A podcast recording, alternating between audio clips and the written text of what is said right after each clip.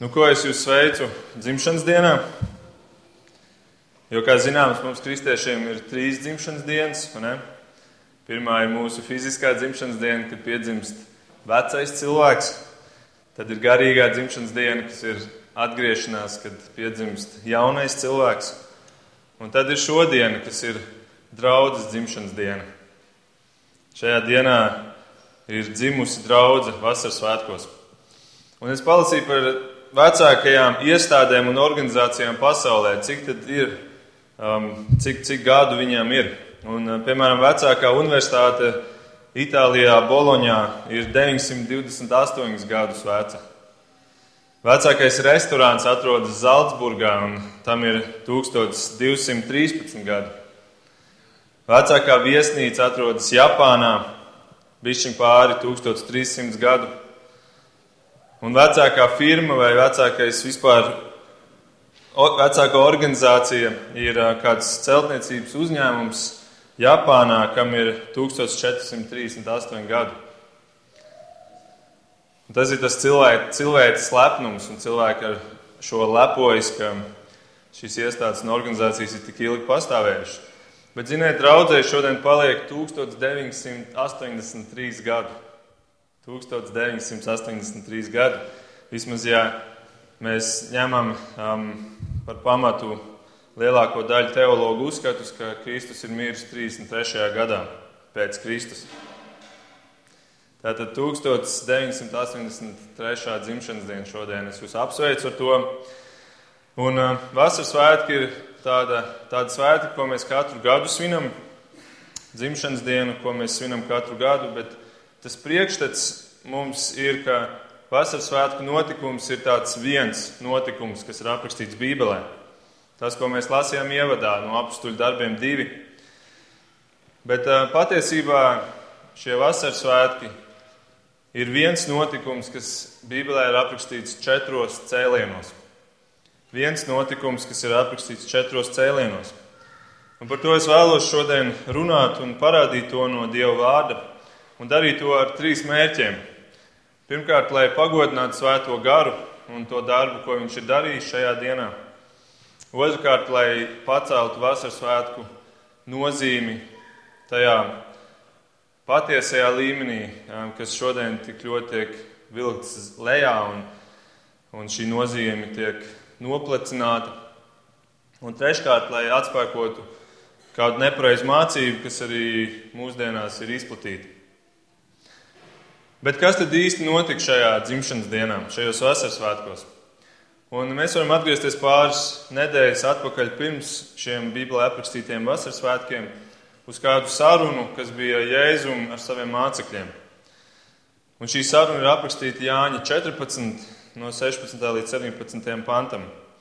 Un Jēzus saka šiem mācekļiem, un es lūgšu tēvu, un viņš jums dos citu aizstāvi lai tas būtu pie jums mūžīgi.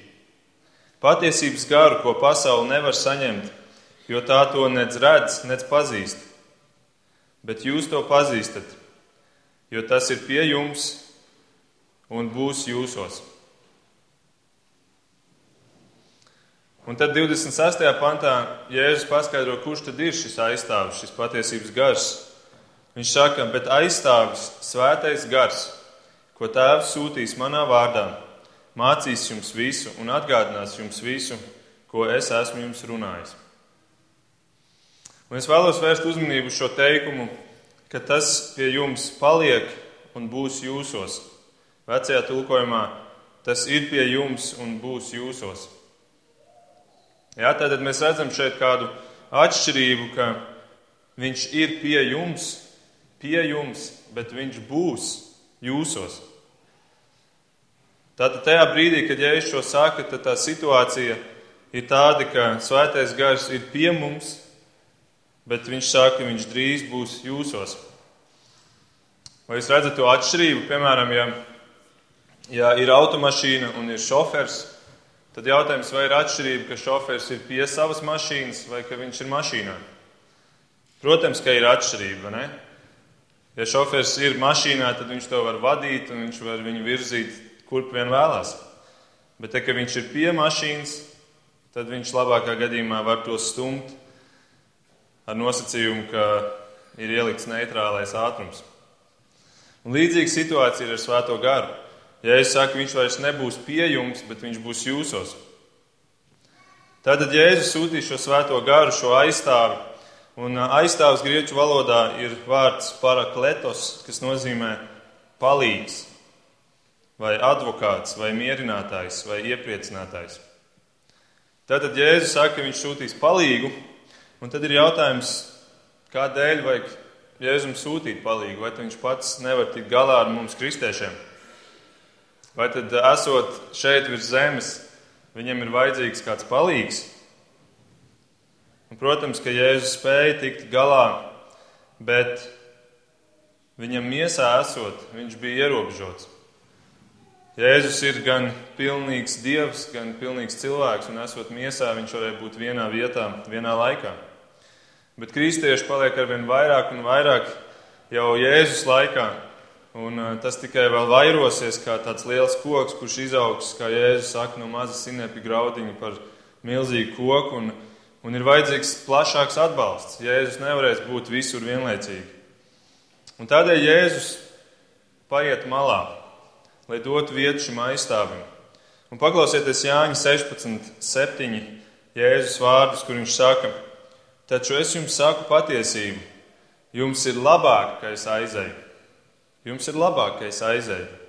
Jo, ja es neaizēju, tad aizstāvis nenāks pie jums. Bet, ja es aizēju, es viņu sūtīšu pie jums. Tātad secinājums: Jēzus dosies prom, viņš sūtīs palīgu, un šis palīgs vairs nebūs pie mums, līdzīgi kā arī Jēzus bija pie šiem cilvēkiem bet viņš būs cilvēkos. Agrāk svētais gars mājoja pie cilvēkiem, ko mēs arī redzam vecajā derībā. Viņš iegāja īsos brīžos, kādos praviešos, priesteros, bet principā viņš bija pie cilvēkiem. Un ir kāds labs piemērs, kuru es vēlos kopā ar jums apskatīties, šis piemērs ir Mūzus, kurš arī bija Dieva vīrs. Un, un eh, Dieva svētais gars bija sūtīts viņā, lai viņš pildīt šo, šo svarīgo misiju, vest Izraēlu ārā no, no gūsta Eģiptē. Un šajā procesā, kad viņi ir Eģiptē, tad eh, cilvēki ir sākuši kurnēt par to, ka viņiem ir apnicis ēst mannu. Viņi sāk kurnēt, viņi saka, visu laiku mēs ēdam šo mannu un mums ir apnicis. Un ticiet vai nē, bet viņi pieprasa gaļu. Viņi vēlas ēst gaļu, un viņi vēlas ēst zivis, un gurķus, un melonis, un sīpolis, un ķiplokus un puravus, tā kā viņi ēda Eģiptē. Un tā viņi sūdzās Mozum, un, un pienāk brīdis, kad Mozus vairs nespēja izturēt, un tad viņš 4. mūzes 11. nodaļā saka Dievam, kur lai es ņemu gaļu, ko, lai, ko šai tautai celt priekšā. Jo tie raud manā priekšā sacīdām, dod mums ēst gaļu. Redziet, līdz kam vegetārisms arī var novest dažreiz. Dod mums ēst gaļu, un es viens pats nevaru nest visu šo tautu, jo tas man ir pārāk smagi. Un, ja tu, Dievs, ar mani tā gribi darīt, tad labāk nokauj mani. Ja es tikai esmu atradzis žēlastību tavās acīs un neliec man ilgāk redzēt manu nelaimi. Redzēt, Mozus ir tādā izmisumā, ka viņš saka, labāk es gribu mirt nekā, nekā turpināt nest šo nastu. Un šī situācija ir ļoti nopietna, un mēs redzam, ka Mozum ir vajadzīgs palīgs. Jēzum, Mozum ir vajadzīgs palīgs šajā situācijā. Un tad seko Dieva atbildi, un viņš saka, sapulcini man 70 vīrus no Izraēla vecāju vidus, par kuriem tu zini, ka tie ir tautas vecāji un viņi ierēģi. Un tad ved tos pie sajiešanas telts, un lai tur viņi nostājas kopā ar tevi. Tad es nonākšu un ar tevi tur runāšu Un no tā gara, kāds ir tev, mūzu, es ņemšu un likšu viņos. Un viņiem būs nest kopā ar tevi tautas nastas, lai tev nav vienam pašam viss jānes. Tātad svarīgs notikums Dievs šo svēto garu, kas ir mūzu, pavairo un ielaiž 70 vecajos. Dievs paplašina šo svētā gara klātbūtni no viena cilvēku uz šiem 70. Bet turpinājums šim notikumam ir interesants, jo no šiem 70 vīriem divi nebija klāti. Divi neatnāca uz sajiešanas telti. Un tomēr viņi bija citā vietā un viņi sāk pravietot. Un, jo, un Mozus palīgs Jozuvā to dzird, un viņš iet pie Mozus un protestē. Un viņš saka, Eldads un Medats nometnē runā kā pravieši. Mozu mans kungs aizliedz tiem. Jo Jozuvā uzskata, ka šie divi ir viltus pravieši, jo viņi nebija klātajā brīdī, kad Dievs deva šo svēto garu šiem 70 vīriem. Un šī svarīga pazīme arī vasaras svētku sakarā, ka Dievs šiem diviem vīriem deva šo garu attālinātā veidā. Un tad seko Mūzes zīmīgā atbilde Jozovā. Viņš saka, vai tu esi manu tiesību aizstāvis? Ak, kaut tā kunga tauta visa būtu pravieši, un kaut tas kungs savu garu pār viņiem visiem dotu. Redzēt, Mozus saka, ak, kaut ne tikai šie 70, bet, bet visa tauta saņem svēto garu. Mozus saprot, kādā izmisumā viņš ir, un, un viņš redz, ka Dievs ir pavairojis, bet viņš saka, mana vēlēšanās būtu, ka visa tauta saņem svēto garu. Un tad paiet 700 gadu, un nāk kāds vīrs vārdā Joēls. Un šis vīrs ir pravietis, kuram Dievs ir devis solījumu, ka pienāks diena, kad tiešām svētais gars tiks dots ne tikai visai Izraēla tautai, bet ka visa miesa saņem svēto garu. Visa miesa saņem svēto garu. Un lūk, un šī diena ir vasaras svētki. Šī diena ir tā diena, ko mēs šodien svinam. Redziet, cik liela un nozīmīga šī diena ir patiesībā. Diena, kurā Mūzus vēlēšanās un Joēla pravietojums piepildās. Jo šodienas tekstā, kā mēs lasījām šajos vasaras svētkos, Pēters saka, tagad notiek tas, kas sacīts caur pravietu Joēlu. Šie vasaras svētki, šis notikums ir pravietojuma piepildījums. Joēla vārdu piepildījums. Un šī svētā gara paplašināšanās sasniedz savu kulmināciju. To, ko Dievs bija paredzējis jau no paša pasaules sākuma, bet to bija atstājis šim laikam. Un ar šo notikumu sākās baznīcas ēra, draudzes laikmets. Un svētais gars tiek dots kā palīgs kristiešiem, kurš tagad ir vienmēr un visur klāt mums. Un padomājiet, tas pats gars, kurš todien bija Mozu vienā, un kurš tika dots tiem 70 vecajiem, tas pats ir šodien katrā no mums kristietī, tie, kur mēs esam piedzimuši garā. Nu, redziet, un šajā notikumā viss šķiet ļoti labi un skaisti, tomēr ir kāda problēma. Visai šajā notikumā ir viena problēma, un tā problēma ir tā, ka Vasaras svētkos svētais gars tiek dots tiem, kuri sapulcējušies Jeruzalemē. Tātad šis notikums notiek vēl tajā brīdī vienā vietā. Bet jautājums tad ir, kas tur bija sapulcējušies? Kuri bija tie cilvēki, kuri saņēma šo svēto garu? Un atbildi ir, tie bija jūdi. Kā mēs to zinām? Mēs to zinām tādēļ, ka tie bija jūdu svētki. Šo svētku sauc par Pentekostu. Pentekosts nozīmē 50. 50 nozīmē 50 dienas pēc lieldienām, kas ir kā tādi pateicības svētki, kad pirmo ražu tu veltīji dievam un tu nodod to kā upuri. Un šo svētkus bija iestādījis Mūzus, un šie bija svētki, uz kuriem uz kurus nāca svinēt jūdi. Un tādēļ arī visi brīnījās, ka šie jūdzi sāk runāt ne ebreju valodā. Jo tie bija jūdi, ja tur būtu sapulcējušies dažādu tautu pārstāvji, tad neviens par to nebrīnītos.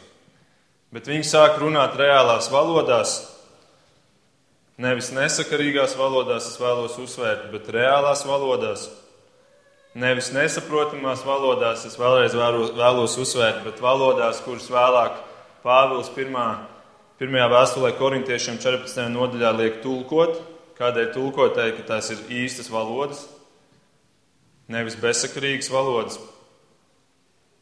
Un līgums sakarīgi šodienas 11. pantā, šodienas teksta 11. pantā, mēs redzam, ka viņi, šie cilvēki no malas saka, mēs visi dzirdam mūsu valodās, viņus teicam, dieva varenos darbus.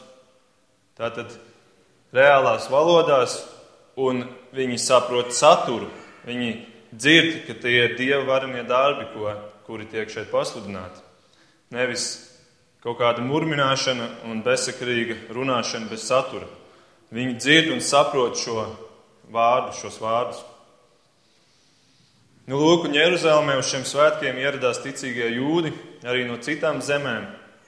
Un tāpēc ir kādi jūdi, kur saprot šīs valodas un dzird, un, un uh, Raimunds jau nolasīja, cik uh, dažādas valodas un tautas tur bija pārstāvētas. Un no šiem jūdiem, tad tie jūdi, kas bija šeit, viņiem šajā brīdī piepildās šis Joēla pravietojums. Viņi saņem šo svēto garu. Bet problēma ir tajā, ka, ka Jēlis bija pravietojis, ka visa miesa saņem svēto garu. Visa miesa nozīmē visas tautas. Bet šobrīd tikai jūdi to ir saņēmuši. Šajā brīdī Jēlis pravietojums ir piepildījies jūdiem, bet ne visām pārējām tautām. Redziet, un tādēļ ir svarīgi saprast, un es vēlos, ka to jūs arī dzirdat un, un saprotat, ka Tādēļ bija nepieciešams šo pašu vasaras svētku notikumu dot, norganizēt, pasniegt vēl kādām grupām, kuras to nebija saņēmušas. Tātad šis vasaras svētku notikums bija noticis jūdiem, bet ar to viss nebeidzās, jo ir vēl kādas grupas, kurām, kurām ir jāsaņem tas pats.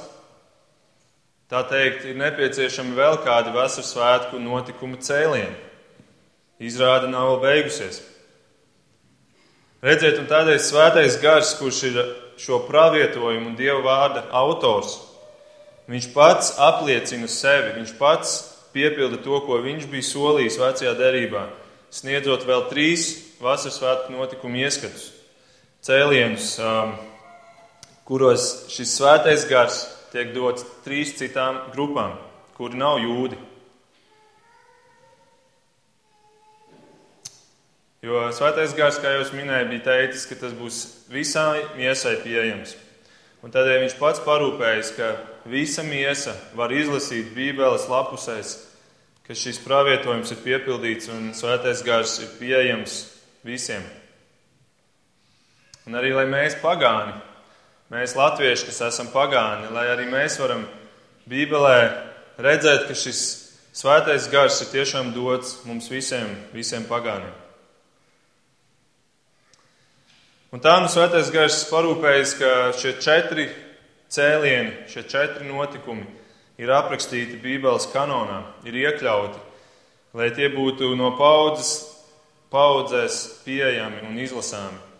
Un es vēlos šos atlikušos trīs cēlienus kopā ar jums apskatīties. Un, ja jums ir bībeles, jūs varat atšķirt tā pati apstuļu darbu grāmata, astotā nodaļa.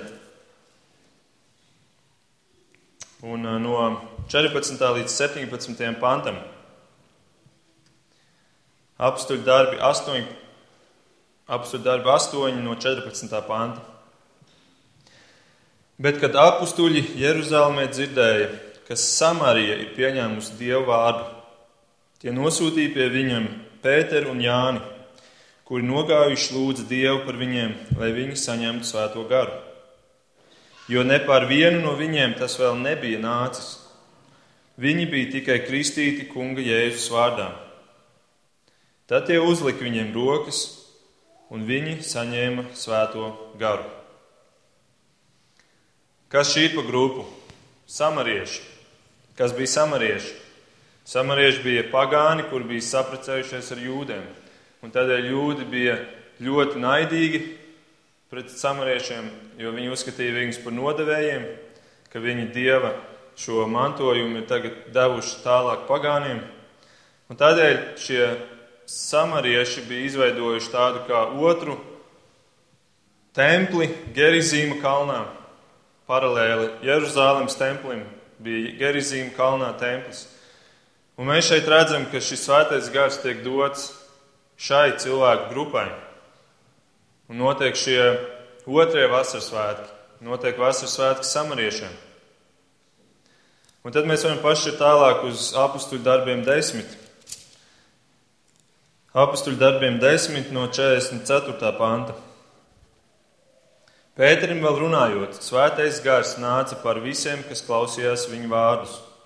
Un ticīgie apgaizītie, kas bija atnākuši Pēterim līdzi, bija pārsteigti, ka Dieva svētā gara dāvanu, ka Dievs svētā gara dāvanu izlaiž arī par pagāniem. Viņi dzirdēja tos runājumu mēlēs un slavējam Dievu. Tad Pēters atbildēja: Vai gan šiem, kas saņēmuši svēto garu, tāpat kā mēs, kāds var liekt ūdeni un tos kristīt, nekristīt? Es atvainojos. Tātad otrā grupa - pagāni, īstie pagāni. Patiesībā, ja pastudē komentārus un ko teologi saka, tad literatūra liecina, ka Šī grupa, viņai bija atsevišķs vārds, viņus sauc par God-fearers, jeb dievbijīgie pagāni. Un viņi bija pieņēmuši visu to, ko mācīja jūdaisms, izņemot vienu lietu, un, viņi, un tā ir apgaizīšana. Viņi neapgraizījās, bet visu pārējo viņi darīja tā, kā jūdaisms to mācīja, kā vecā derība mācīja. Un tāpēc arī šeit ir uzsvērts 45. pantā, ka ticīgie apgaizītie brīnījās par to, ka pagāniem tas tiek dots. Nu, lūk, un, piemēram, šāds viens vīrs bija Kornelijs, kurš šajā pašā desmitajā nodaļa, nodaļas sākumā saņem šo vēsti, un, un mēs tur lasām, ka viņš ir jūt, ka viņš ir pagāns un ka viņš ir dievbijīgs. Tātad otrā grupa pagāni saņem arī šo svēto garu, un mēs varētu teikt, šie ir Trešie vasaras svētki, trešais cēliens. Un tad vēl ir ceturtais cēliens, un tas ir apakstuļu darbos 19. atrodams. Apakstuļu darbos 19. pirmie seši panti. Kamēr Apols bija Korintā, Pāvils pārsteigājis augšējos apgabalus, nonāca Efesā. Viņš tad nonāk Efesā. Efes ir, protams, pagānu tautas pilsēta. Un tur sastāpis, sastapis dažus mācekļus, viņš jautāja tiem, vai jūs saņēmāt svēto garu, kad kļuvāt ticīgi? Bet viņi atbildēja, pat dzirdējuši neesam, ka svētais gars ir. Viņš jautāja, kādā kristībā jūs esat kristīti? Viņi atbildēja, Jāņa kristībā, tātad Jāņa kristītāja kristībā. Pāvils sacīja, Jānis kristīja uz atgriešanos no grēkiem un tautai mācīja, lai tam tic, kas nāks pēc viņa jēzuma. To dzirdējuši, viņi tika kristīti kunga Jēzus vārdā. Un kad Pāvils uzlika rokas, pār viņiem nāca svētais gars, un viņi sāka runāt mēlēs un pravietot. Tātad trešā grupa vēl - Jāņa kristītāja mācekļi. Mēs atceramies, kad Jānis Kristīja tad tur nāca no visām tautām. Tur bija teikts, ne tikai nāca no, no jūdejas un nāca jūdi, bet tur nāca no dažādām tautām. Un šeit mēs atrodam kādus no tiem, kuri bija nākuši un kuri bija dzirdējuši Jāņa Kristītāju. Un mēs varam teikt, Jāņa Kristītāja mācekļi. Pēc tam viņi devās iespējams atpakaļ uz Efesu. Un viņi pat nebija dzirdējuši, ka ir tāds svētais gars. Viņi bija sākuši šo ceļu iet pa tām pēdām, ko Jānis bija uzsācis, bet viņi vēl nebija sapratuši, ka tas ceļš apvienosies ar, ar šo Jēzus sludināto ceļu un to, ko Svētais Gars darīs. Redziet, un šīs trīs grupas katra dodas savā virzienā. Viņi visi ir ticīgi, viņi visi tic Dievam, viņi visi ir uh, dievbijīgi, un tomēr viņi katrs dodas savā veidā, citā ceļā. Un tas, ko Svētais Gars šeit dara, viņš viņus visus apvieno. Viņš šo ceļu pagriež atpakaļ tā, lai visas šīs četras grupas ir zem viena gara un ir vienā miesā un uz viena ceļa. Redziet, un tāpēc ir vajadzīgi šie četri vasaras svētku cēlieni. Šie četri notikumi, kas patiesībā um, apvieno draugu vienā miesā. Un es ievadā pieminēju, ka viens no mērķiem šodienas svētdienā ir izkliedēt, um, jeb, jeb izlabot to, ko mēs bieži vien dzirdam apkārt, kas ir, kas ir nepareiza mācība. Un tā mācība nosaka, ka šie, šie trīs svētā gara kristību notikumi ir nesaistīti ar to pirmo notikumu, kas bija vasaras svētkos. Un tādēļ šie trīs notikumi, šīs svētā gara kristības, ir paraugs šodienai. Un mums katram pēc tā vajadzētu tiekties šodien. Mums katram vajadzētu, kaut arī mēs esam kristieši, mums vajadzētu meklēt šādu pašu pazīmi, ka svētais gars kāds aizlūs par mums, uzliek rokas, un tad svētais gars it kā ienāk mūsos, jeb atraisās mūsos, un mēs sākam runāt mēlēs un pravietojam. Bet tā nav. Svētā gara kristība vasaras svētkos bija kā tāds starta signāls draudzēji, kura kļuva par vienu miesu.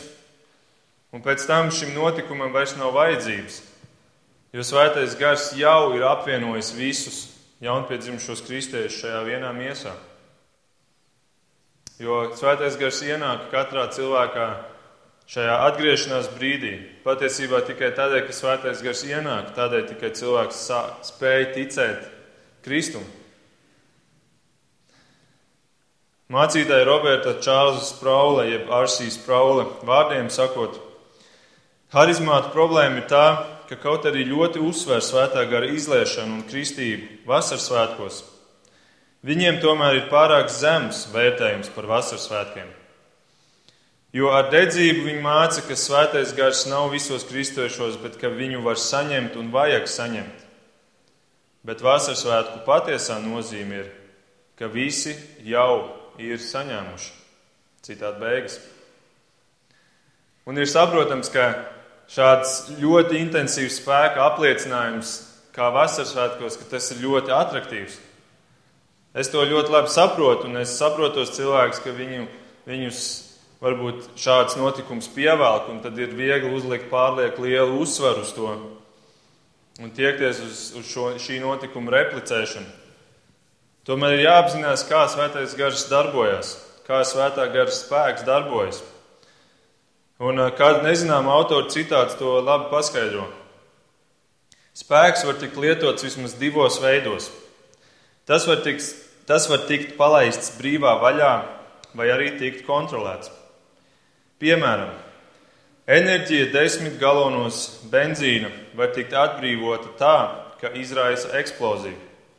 Ar to vien, ka iemet mazu degošu sārkociņu benzīna kanā. Vai arī tas var tikt novirzīts pa automašīnas motoru kontrolētā liesmā, ļaujot šai automašīnai transportēt cilvēku 500 km tālu. Eksplozijas ir iespaidīgas, bet kontrolētai liesmai ir paliekošs efekts un spēks. Svētais gars darbojas abos veidos. Vasaras svētkos viņš eksplodēja uz skatuves. Viņa klātbūtne bija kā uguns mēlis. Tūkstošiem tika aizgrābts caur vienu dieva spēku uzliesmojumu. Bet viņš arī darbojas caur draugu, to institūciju, kur dievs uzsāka, lai tajā pludinātu svētā gara spēku garajam ceļam. Caur pielūgsmi, sadraudzību un dievkalpojumu kristieši saņem šo paliekošo spēku. Citādi beigas. Labs piemērs, un? Svētais gars sāka ar tādu kā eksploziju. Tas bija vasaras svētkos. Bet tagad viņš darbojas kontrolētā veidā un dod mums to, kas ir daudz efektīvāks un kas mums ir daudz vairāk vajadzīgs. Un mums nav jāmeklē šīs eksplozijas kā zīme, ka viņš tiešām ir mūsos. Mēs tiekam piepildīti ar svēto garu brīdī, kad notiek jaunpiedzimšana. Evanģēlistam Dvaitam Mūdiem arī ir kāds labs piemērs. Reiz kāds liels publikas priekšā mūdīs pacēla tukšu glāzi un jautāja, kā es varu dabūt gaisu ārā no šīs glāzes. Kāds vīrs sauca, izsūc to ar pumpi. Mūdīs atbildēja, tas tikai izveidot vakumu un glāze saplīstu.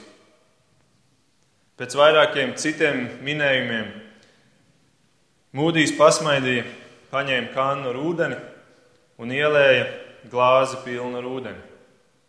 Lūk, viņš teica, viss gaiss nu ir prom.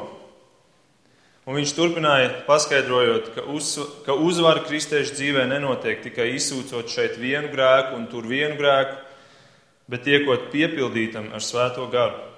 Citādi beigas. Kamēr glāzē nav ūdens, jeb, jeb svētā gara, tikmēr cilvēks ir nekristietis. Viņš pat var mēģināt šos grēkus kaut kā pumpēt ārā, bet agrāk vai vēlāk viņš salūzīs.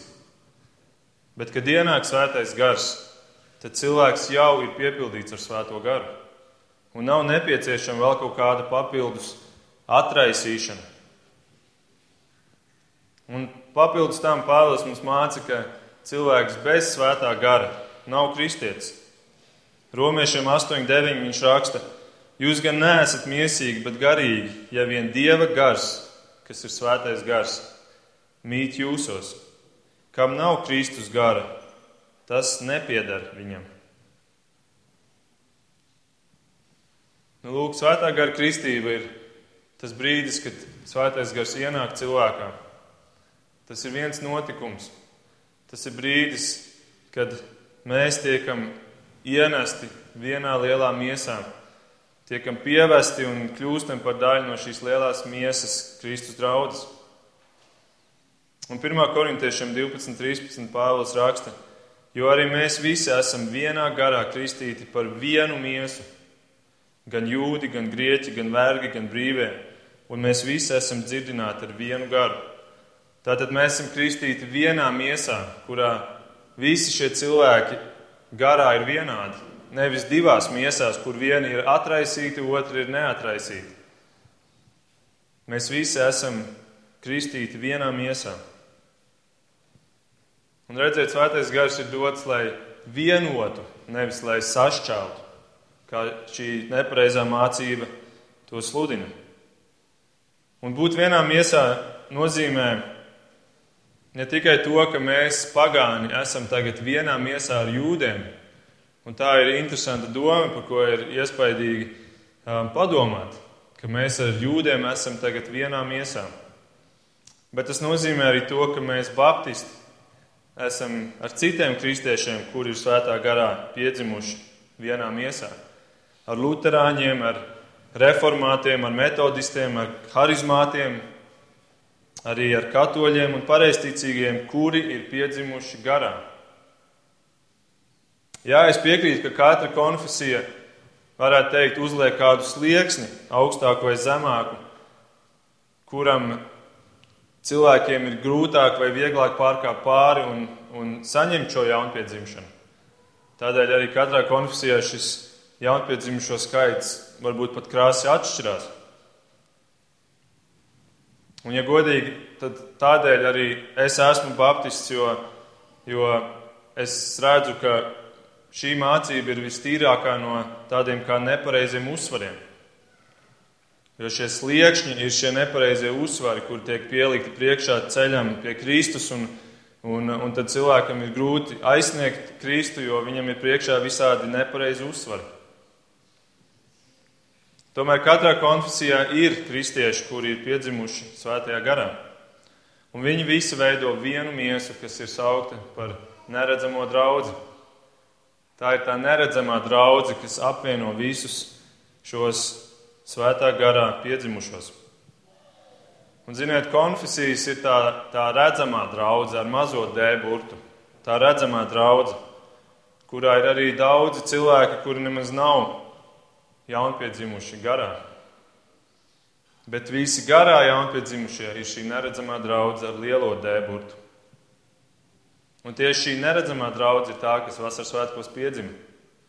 Šī neredzamā draudzene, un tāpat mēs pat varētu teikt, viņa pat nav tik liela, kā izskatās redzamā draudzene. Un noslēdzot, es vēlos pabeigt ar šo domu, ka vasaras svētku notikums kārdina likt šo nepareizo uzsvaru tieši uz svēto garu. Tā ir. To mēs redzam praksē, un to mēs saprotam arī teorijā. Bet, ziniet, svētais gars nekad necenšas likt uzsvaru uz sevi. Viņš nekad necenšas vērst uzmanību uz sevi. Viņš vienmēr uzmanību vērš uz ko? Uz Kristu. Un, un tādēļ likt uzsvaru uz svēto garu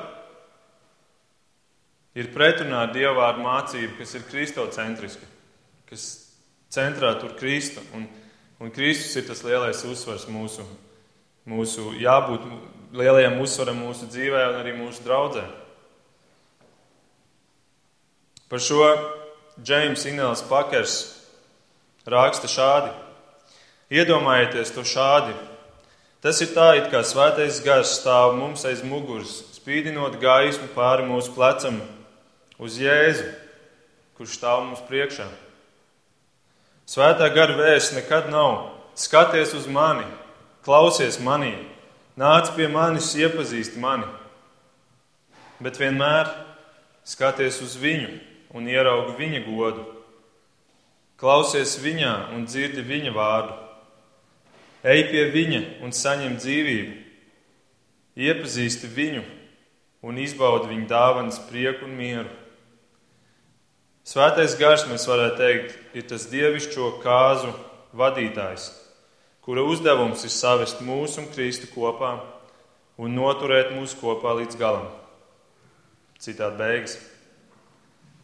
Tāds lūk ir svētais gars, šis klusais palīgs. Viņš palīdzēja mūzum, viņš palīdzēja šiem 70 vecajiem, un viņš palīdzēja vēl daudziem vecajā derībā un arī jaunajā derībā bet tagad viņš palīdz draudzē.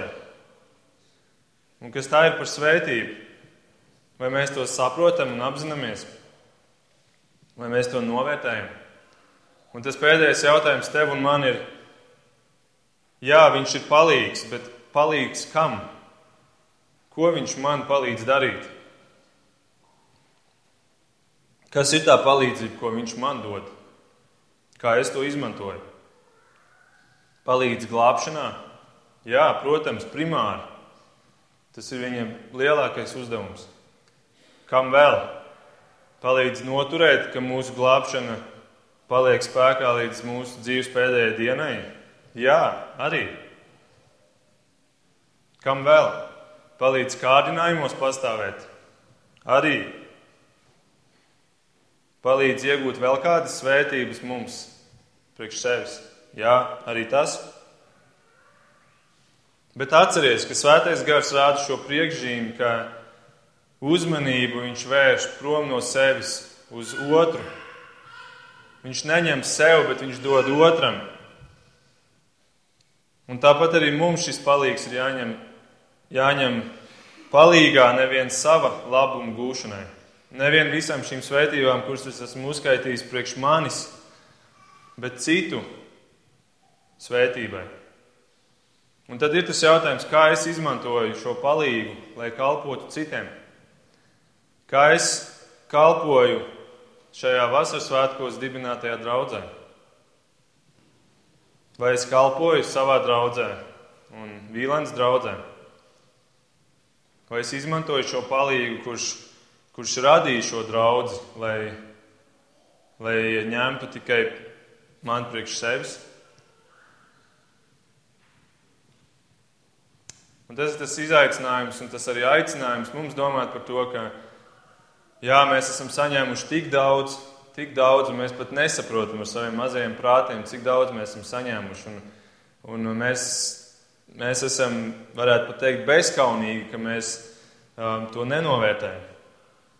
Bet tas izaicinājums ir domāt par to, kā es to varu tagad lietot, lai dotu tālāk, lai nestu šo vēstu tālāk citiem. Vai es kaut ko daru draudzē, vai es iesaistos un, un palīdzu kalpot, vai es esmu kādā kalpošanā, vai es arī tikai nāku un ņemu varbūt priekš sevis, kas arī ir labi, bet, bet kas ir tas, kā es dodu? Kā, kas ir tas veids, kā es šo palīgu izmantoju, lai palīdzētu citiem? Par to domāsim un aicinu tagad lūkšanā noliekt galvas. Mīļais debes Tēvs, paldies par svēto garu, paldies par draugu, kuru tu dibināji, un paldies, Kristu, ka tu esi draudzes galva. Paldies, ka tu mums devi savu svēto garu, lai mēs varam pastāvēt šajā pasaulē, kas ir, kas ir tik ļoti arī pret tavu vārdu, pret tavu vēsti noskaņota, kurā mēs nemūžam nepastāvēt pa dienu bez tavu svētā gara palīdzības. Kungs, paldies Tev par to un palīdz mums par to domāt gan šodien, gan uz priekšējot, un, un izmantot arī svēto garu kā palīgu, lai celtu citus. Lai Tev ir gods un slava un pateicība, un, un tiešām, Kungs, lieto mūs caur savu svēto garu šajā pasaulē, kurai ir vajadzīga gaisma. Lūdzu, lieto mūs katru. Jēzus vārdā. Amen.